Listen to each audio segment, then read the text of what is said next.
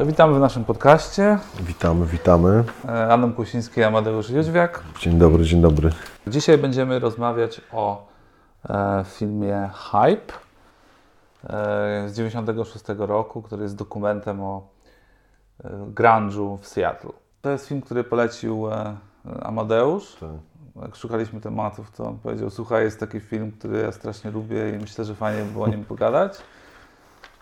I co? I zaczęło się od tego, że co, że miałeś e, film na VHS, tak? Dokładnie. E, to były czasy, kiedy mój młodszy brat, e, no i w ogóle taki przez kuzynów naszych, nasze kuzynostwo, zaczęliśmy dotykać kaset w stylu właśnie Nirvana, Pearl Jam.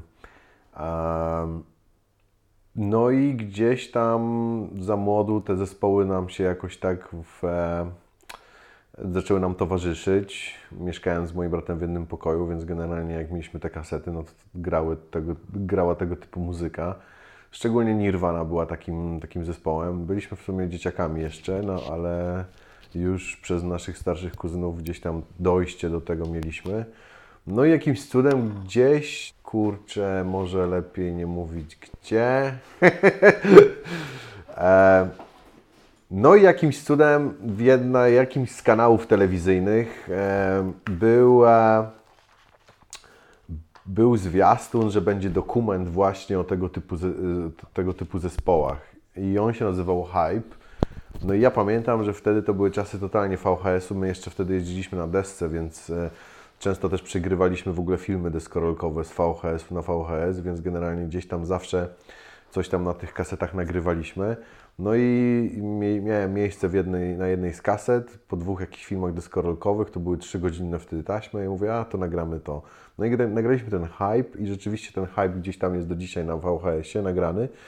No, ale tak po latach nostalgii, ostatnimi czasy, zresztą jak e, przedstawiona w tym dokumencie wytwórnia Sub-Pop, ona do dzisiaj prężnie działa, więc po, po jakichś tam rozmowach z kimś na temat muzyki, to było kilka lat temu, jak mieszkałem w Londynie, stwierdziłem, że gdzieś muszę po prostu pokopać w internecie na tych wszystkich różnych e, e, bazach danych, z których można coś tam e, ściągnąć.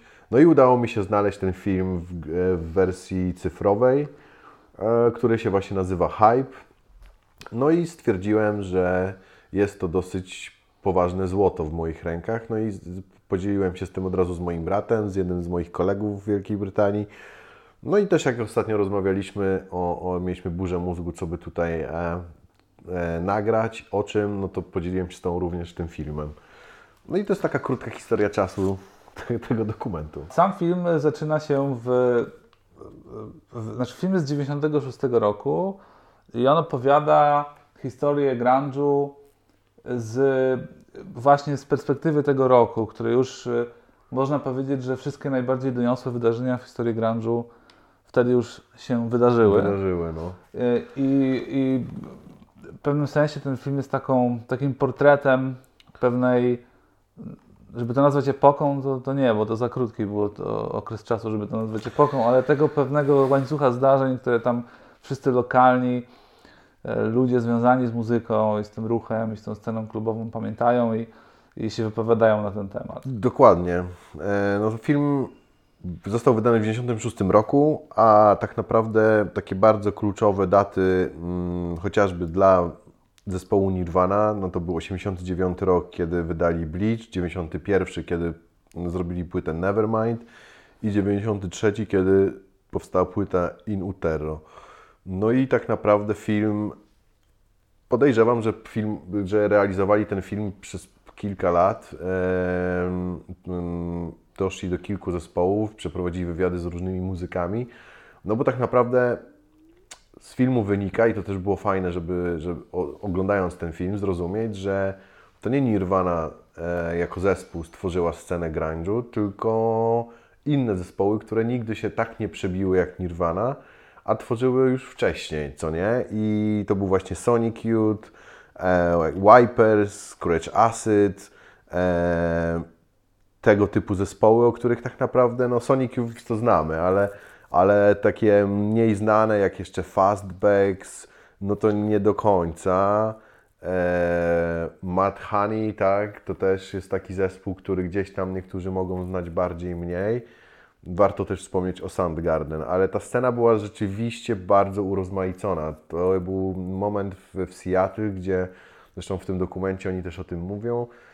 Nie było tak, żeby zespoły z Wielkiej Brytanii, czy z Australii, e, czy w ogóle amerykańskie zespoły, jeżeli grały z innych miast, to przyjeżdżały na koncerty do Seattle. Z reguły leciały, leciały do Los Angeles, San Francisco, ewentualnie Sacramento, ale Seattle zawsze było tą otchłanią, że tam nigdy, nigdy nie dojeżdżał i też przez to to z, tak zbustowało tą scenę do tego, że oni sami zaczęli tą muzykę tworzyć i w atmosferze brzydkiej pogody, y, znudzenia, mm, bo przez pół roku tak naprawdę jest ciemno, szaro i pada deszcz.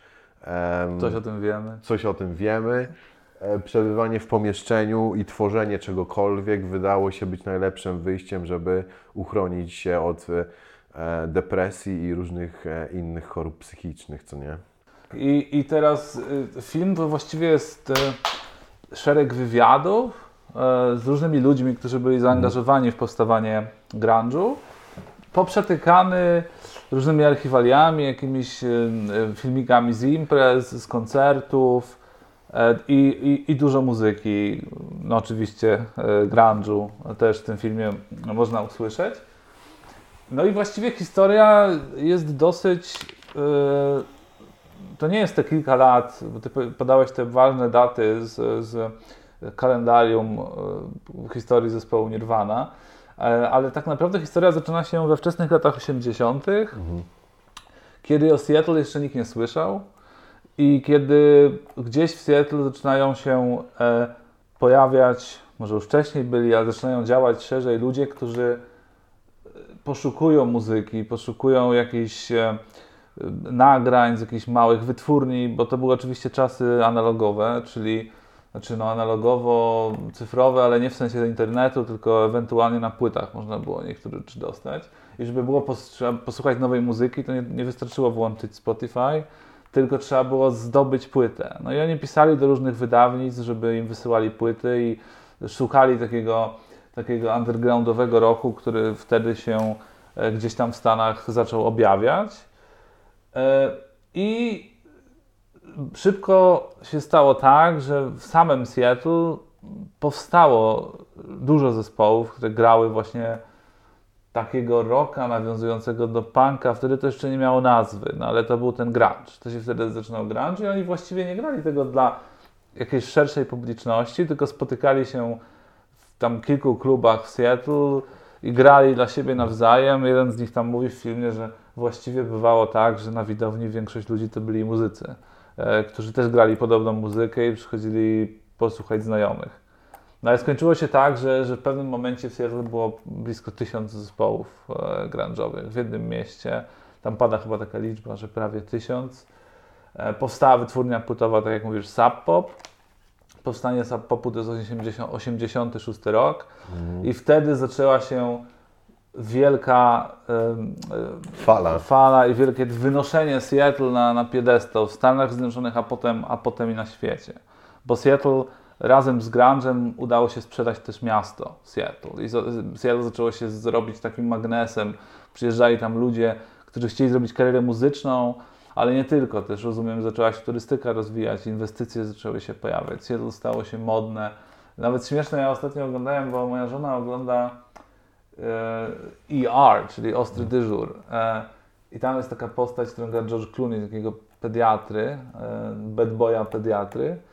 No i on w pewnym momencie dostał ofertę pracy, gdzieś tam, z, rozumiem, chyba to jest w Chicago się dzieje serial, że pojechał do Seattle właśnie, żeby tam zostać szefem chyba e, tej Oddziału e, pediatrii. Okej. I ona przyjeżdża, jedna z bohaterek go odwiedzić w tym Seattle i on wysiada z motorówki we flanelowej koszuli. To jest oczywiście lata 90., czyli wiadomo było, że każdy w Seattle musi nosić flanelową koszulę, bo tak się ubierały Tak. zespoły grunge'owe. Tak.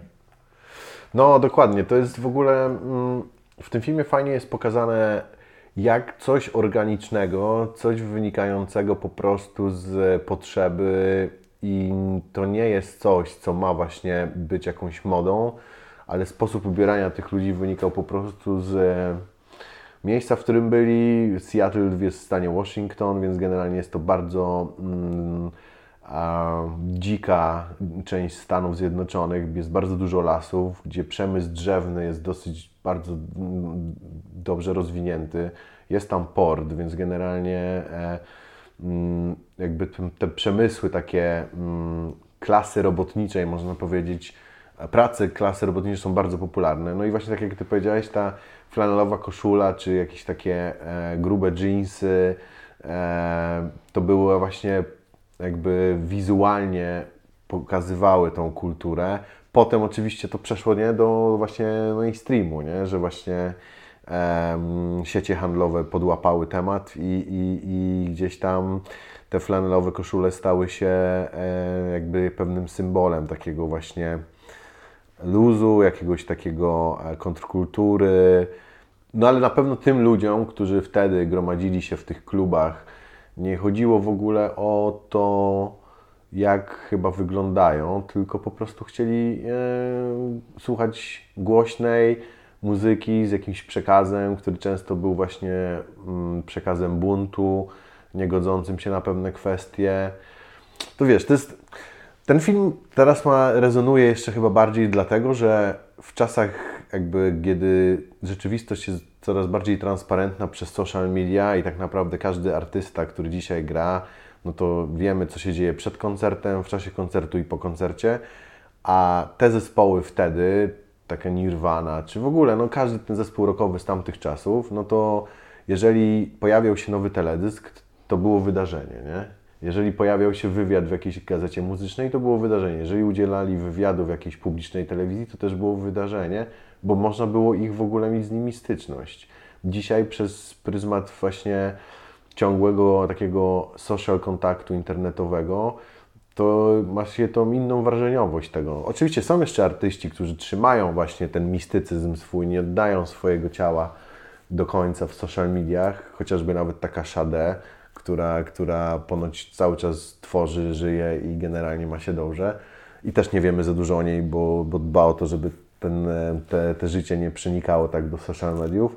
Ale właśnie dzisiaj, jak się patrzy na te analogowe filmy, ten dokument, to ma się wrażenie jakiegoś takiego zatrzymania czasu, że to jest tylko tam, było i, i nigdy więcej, nie? I ma to taki dosyć jeszcze mm, znaczący, znaczący charakter, tak mi się wydaje.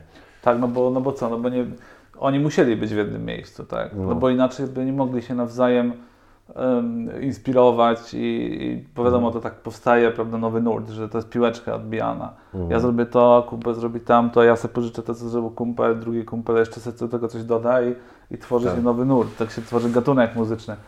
I wtedy to siłą rzeczy musiało być w jednym miejscu, no bo oni wszyscy przez telefon sobie muzyki nie będą puszczać, prawda? A Totalnie. internetu nie było. No, no, Więc, e, no więc w ten sposób, znaczy był może, ale raczkowo dopiero. I właśnie też yy, okazuje się, że wtedy bardzo ważną rolę wśród tych muzyków grali ludzie, którzy zajmowali się promowaniem tej muzyki. To też w tym dokumencie jest powiedziane, że, że byli ludzie, którzy yy, zależało im na tym, żeby zrobić design fajnego plakatu, żeby go wydrukować, żeby go gdzieś zawiesić żeby, żeby, żeby zrobić całą otoczkę wizualną pewnych kwestii. Byli ludzie, którym, którzy widzieli w tym potencjał, żeby to promować. No jakimś cudem w tych czasach analogowych te zespoły musiały, musiały być słyszane w innych częściach świata, a, a tak zresztą było, nie? No bo Nirvana była dosyć takim fenomenem globalnym, nie? I Pearl Jam do dzisiaj jest fenomenem globalnym. Eddie Vader, jeżelikolwiek ogłoszą trasę koncertową, te, te bilety się sprzedają w godzinę, nie? I, i, i, i ludzie chcą mieć z nimi to przeżycie. Te, te płyty mm, e, Pearl Jam, No Code czy Yale, to są naprawdę super, super arcydzieła i przede wszystkim są to albumy, które, których się słucha od początku do końca i, i ma, ma to jakiś taki e, mistyczny wyraz, no.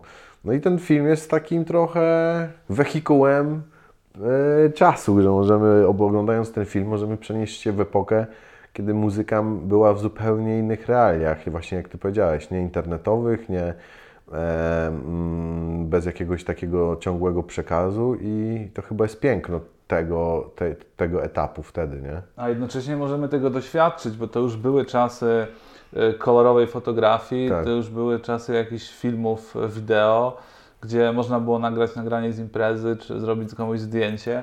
I w filmie jest masę właśnie tych mm, materiałów z samego początku tego grunge'u, że możemy w pewnym sensie zobaczyć, jak, jak ten ruch się tworzył, jak to wyglądało w takiej sferze czysto mm, wizualno-estetycznej, jak Mhm. oni się ubierali, gdzie oni byli, jak, e, jak te kluby wyglądały, jak wyglądały koncerty. Oprócz tego, że możemy oczywiście posłuchać muzyki, no bo ta muzyka e, się zachowała, możemy posłuchać tych płyt po początków działalności tych zespołów e, i tak dalej.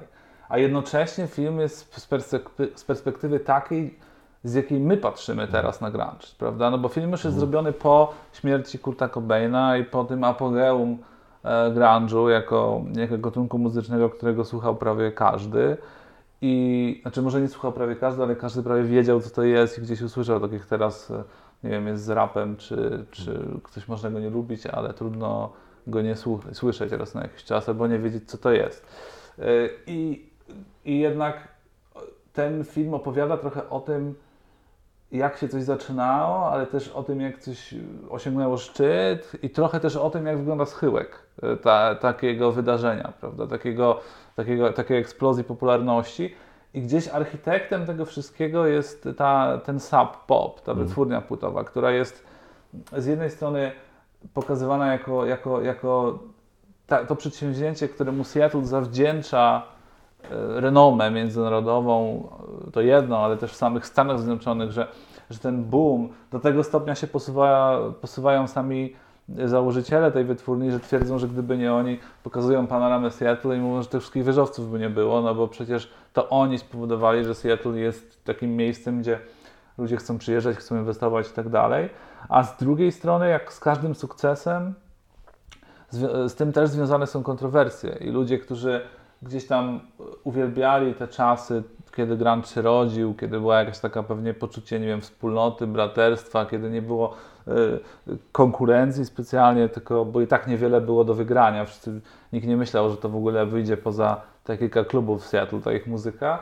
Y, nagle z tego się zrobił, wszedł w to, wesz, weszła w to komercja, wszedł w to show biznes i, i dla niektórych się skończyło tragicznie, jak na przykład dla Kurta Cobaina i, i każdy z muzyków, z którymi wywiad jest robiony, którzy osiągnęli sukces, mówią, że dużo ich to kosztowało, a z kolei da się wyczuć, że ci, którzy nie osiągnęli sukcesu, mają trochę za złe, że to nie oni zostali wypromowani.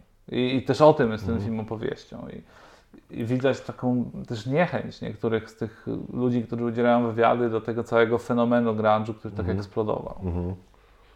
No tak, no bo zawsze sława em, działa na korzyść kilku jednostek, a ludzie, którzy się wcześniej z tym identyfikowali, mm, no będą coraz bardziej krytyczni, w sensie zakładając w ogóle sposób powstawania danej e, gatunku muzyki, czy danej potem, która tworzy subkulturę, no to to jest właśnie to, nie? Tym bardziej, że to są często z reguły ludzie, którzy mają, chcą wyrazić swój błąd do, do pewnego establishmentu, do pewnego społecznego status quo, a potem e, ludzie, którzy wychodzą z ich środowiska i reprezentują ich muzykę, e, jakby są zaprzeczeniem tego e, i idei, które oni jakby, na których oni stworzyli tą swoją grupę, nie? Tak, bo jak buntownik ma potem się dogadywać z establishmentem, żeby, żeby wydawać swoje płyty, prawda? Tak, to, no. to jest wieczny problem buntowników, którzy osiągnęli sukces.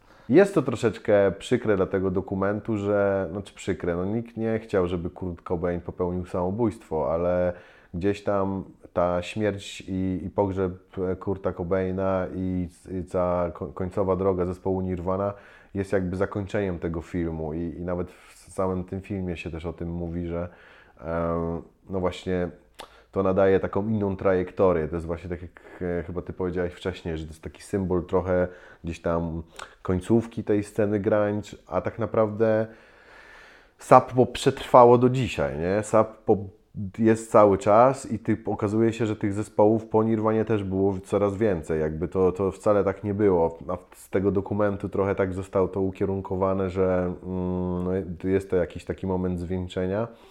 ale może też my za bardzo to interpretujemy. Może to jest po prostu wspomnienie o czymś, co powinno być wspomniane, ale a świat artystyczny leci dalej, co nie? Z drugiej strony, gdyby nie, nie śmierć Kurta Cobaina, to podejrzewam, że ten dokument wcale nie musiałby powstać, bo no wiadomo, że reżyser szuka mhm. jak najbardziej wielowarstwowych yy, przekazów mhm. i też chce się pochylić. No bo dlaczego ten film jest tak naprawdę o sukcesie, który wybiera jednych, a, a omija drugich i o ludziach, którzy sobie radzą z tym sukcesem, bądź sobie nie radzą? Dlatego, że, że wiadomo, że jest ten tragiczny przykład, który wszystkim siedzi z tyłu głowy, że sukces nie musi być błogosławieństwem, tylko jest czymś, co ma też swój koszt. Mhm. I, I z tej perspektywy przy, przyjrzenie się środowisku, z którego wyrosło kilka naprawdę tak jasno świecących gwiazd, jak Pearl Jam, czy, czy Nirvana, czy Alice in Chains, e, które osiągnęły międzynarodowy sukces, czyli coś, co by się mogło wydawać jest marzeniem wszystkich, którzy grają muzykę i też po wywiadach z tymi, z tymi innymi zespołami trochę tak jest, że widać, że oni trochę zazdroszczą, że to nie im ten sukces był pisany.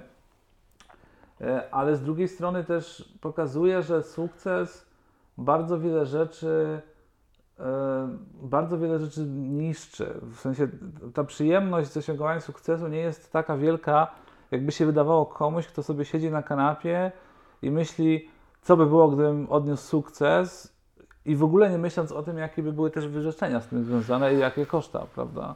Bo może się wydawać komuś, że taka różowa przyszłość, by, znaczy różowa teraźniejszość by dla niego była, że on by sobie teraz jeździł limuzynami, latał samolotami, miał prywatny odrzutowiec i, i, nic by, i miałby tyle pieniędzy, żeby się niczym nie musiał martwić i grałby koncerty dla e, milionów fanów, którzy go wielbią, ale, ale ten zespół, ale ten film też, ten dokument też pokazuje, że ludzie, którzy odnieśli sukces, muszą się mierzyć z różnymi problemami, z których wiele sobie nie zdaje sprawy osób, które tego sukcesu nie osiągnęły. Czyli oprócz tego, że jest, prawda, są pieniądze i jest sława, to są też, są też obowiązki z tym mm. związane, czyli to, że chcesz czy nie chcesz koncert, musisz zagrać. Są też, e, jest zawiść innych ludzi, którym się tego sukcesu nie udało osiągnąć. Teraz w pewnym sensie jest jeszcze gorzej, bo są social media, jest cały hejt, który się może na ciebie wylać, jeśli twój drugi album nie sprostał e, oczekiwaniom, oczekiwaniom Twoich fanów e, po pierwszym albumie, prawda? Tak.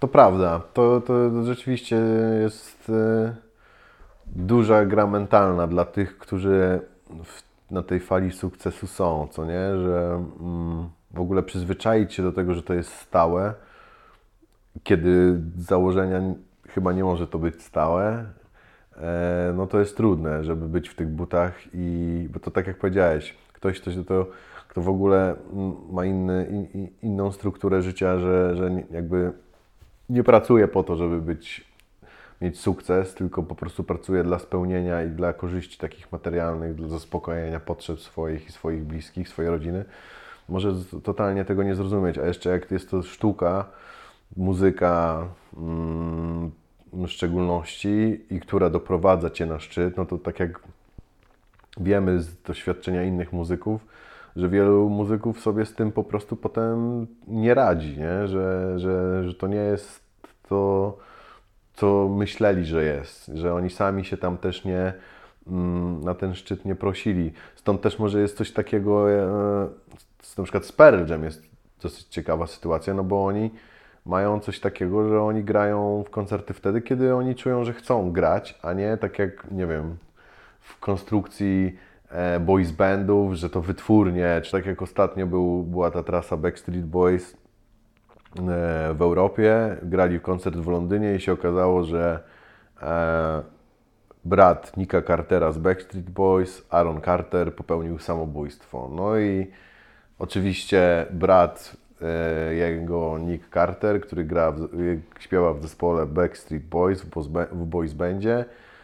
Nie spowodowało to, że powiedział, że przerwie koncert, że nie wystąpi, chociaż z powódek osobistych w naszym normalnym życiu, jeżeli by nam zmarła bliska osoba, na pewno nie byśmy nie poszli do pracy, nie zrobili wielu rzeczy, tylko wcisnęli pauzę i powiedzieli, to jest czas ten dla nas a tu jest akcja w stylu wychodzi e, chłop na scenę, e, płacze, dostaje wsparcie swoich kolegów z zespołów, ale e, orkiestra gra dalej, nie? Czy tam jak to się mówi,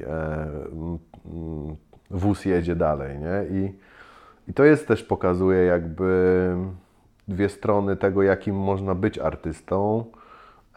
No bo w odbiorze zwykłego człowieka trudno to rozróżnić może czasami, nie? Że albo się jest świadomym od początku do końca, albo się gdzieś po prostu jest na froncie, gdzie za danym zespołem jest sztab ludzi. I, i, a tutaj w grunge'u jest totalnie, że to jest praca tych tylko ludzi, artystów i ewentualnie tam na jakimś etapie dochodzą jakieś takie role menedżerskie czy promocyjne, ale tak naprawdę te zespoły powstały nie z korzyści majątkowych czy tam e, finansowych na wstępie, tylko z czystej zajawy, żeby właśnie być razem i, i żeby tą, ten, tej trudnej rzeczywistości Seattle, szaroburej e, robić coś fajnego. Tak, i, i tym boleśniejszy jest upadek, dlatego że to nie były takie czasy, jak mówisz, teraz kuźni talentów, typu talent show, gdzie No. jak ktoś idzie do talent show, to prawda, no on sobie może tą muzykę grać dla znajomych, dla siebie w domu i, i, i, i, być z tego szczęśliwy, że może to robić, ale jeżeli idzie do talent show, to znaczy, że on już w pewnym sensie świadomie podejmuje decyzję, żeby zaistnieć w tym środowisku e, komercyjnej muzyki, żeby, żeby skomercjalizować swoją działalność, w związku z tym on i to talent show jest tak skonstruowane, że chyba nikt nie ma wątpliwości, jak w nim weźmie udział, że jak ten świat wygląda, prawda? Że oni są tylko mm, trochę jak zwi- zwierzęta w zoo, które sobie każdy może pooglądać i ocenić na forum całego, e, całego kraju i, i wiedzą, że muszą być odporni, żeby sobie poradzić z tego typu oceną i, i ta, tak, wystawieniem na taką, e, na ta, taką prawda, analizę przez społeczeństwo, przez ludzi, forum krytyczne, takie forum krytyczne i oni z pełną świadomością wchodzą w ten biznes. Wiedzą, że to tak wygląda i może dla nich to nie jest aż taki szok, jak oni potem się zderzą z, z, z tym, co to znaczy być, być sławnym. Ale dla kogoś, kto zaczynał sobie grać y, w garażu dla znajomych i właściwie nie myśląc o tym, żeby odnieść jakiś gigantyczny sukces, tylko dlatego, żeby coś robić, bo mu się nudziło i, i lubił to, co robi, a potem przyszedł ktoś, wypromował go i zaczyna mieć do, wobec niego jakieś oczekiwania, zwłaszcza jeśli ta muzyka wychodziła z jakiegoś buntu, z jakichś przekonań i teraz on te przekonania musi troszeczkę odłożyć na półkę, żeby zabrać pieniądze grając koncerty, to dla niego to może być psychologicznie dosyć ciężkie wyzwanie, żeby, żeby z, tym, z, tym, z tym sobie poradzić.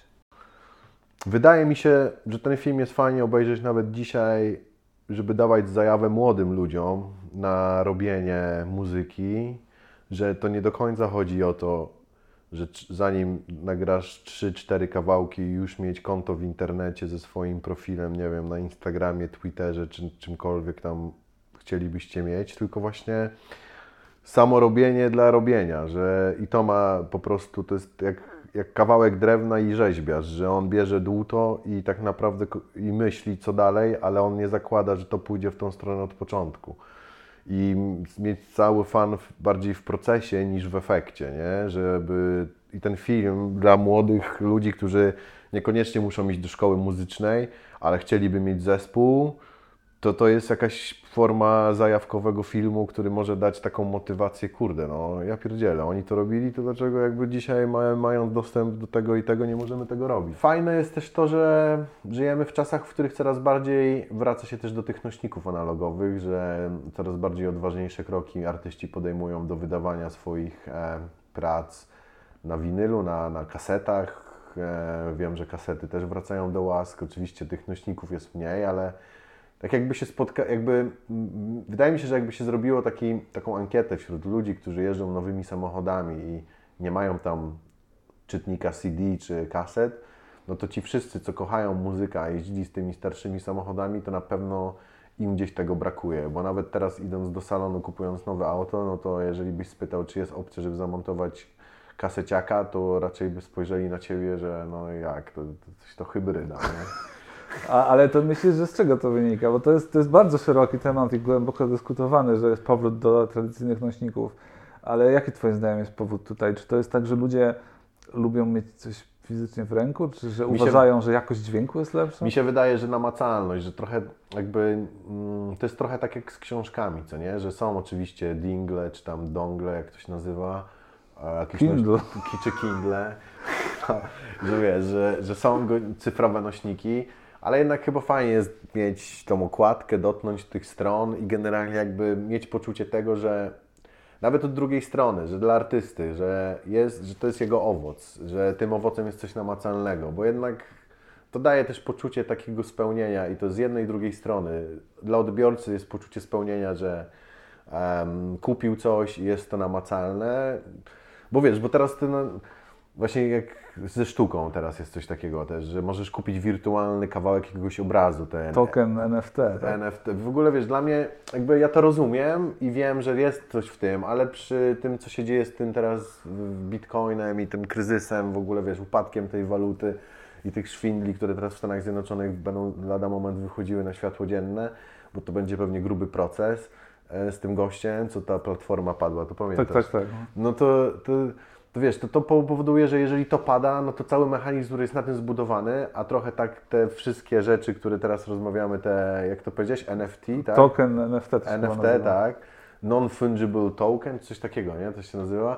E, No to, to jest aftermath jakby myślenia tego wirtualnej waluty, nie? Nie, no bo to zawsze jest jeden powód, dlaczego to jest dobre, bo to jest blockchain. Bo to jest blockchain. No, no, no, no, no, no, no. I wiesz, Nikt jakby... nie wie, co to jest blockchain. Dokładnie, nie? że to są jakieś takie troszeczkę wy, wy, wy, wychodzące poza naszą świadomość, bo ja totalnie rozumiem ludzi, którzy powiedzą, ja nie wiem co to jest, bo no to jest coś, co wy, wy, wy, wychodzi poza naszą świadomość. A jak się wróci do, nie wiem, do wydawa- wydawnictwa, czyli właśnie książki, kasety, CD, winyla. Ja nie mam problemu z tym, że ja mogę zapłacić komuś, jakiemuś artyście, jeżeli mi się jego muzyka podoba w Azji i przyśle mi swoją płytę tutaj, nie? Wolałbym mieć taki mechanizm wciąż niż o, możesz posłuchać na Spotify'u, nie? Jakby no właśnie nie do końca, bo tym bardziej, że jest jedna rzecz, która w cyfrowości muzyki trochę przeszkadza, mianowicie, że muzyka jest cyfrowa, daje zielone światło, że ktoś może Cię momentalnie ściągnąć, zmiksować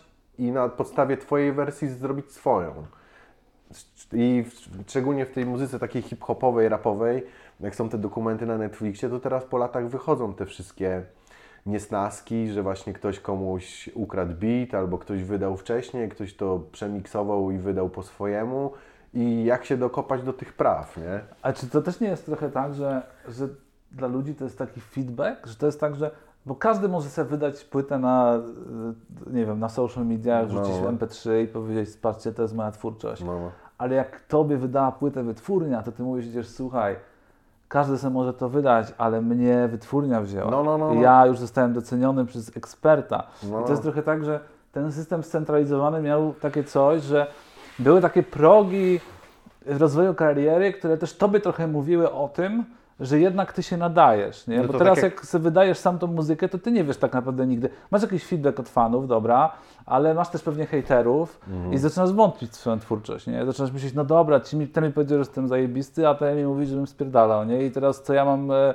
o sobie myśleć? A tam to było tak, że dobra, przyszła wytwórnia, dała mi kasę, wydała płytę, oni się znają chyba, więc to znaczy, że do czegoś się nadaje. Potem ta płyta została wydana, więc znaczy, że jestem już recording artist, nie?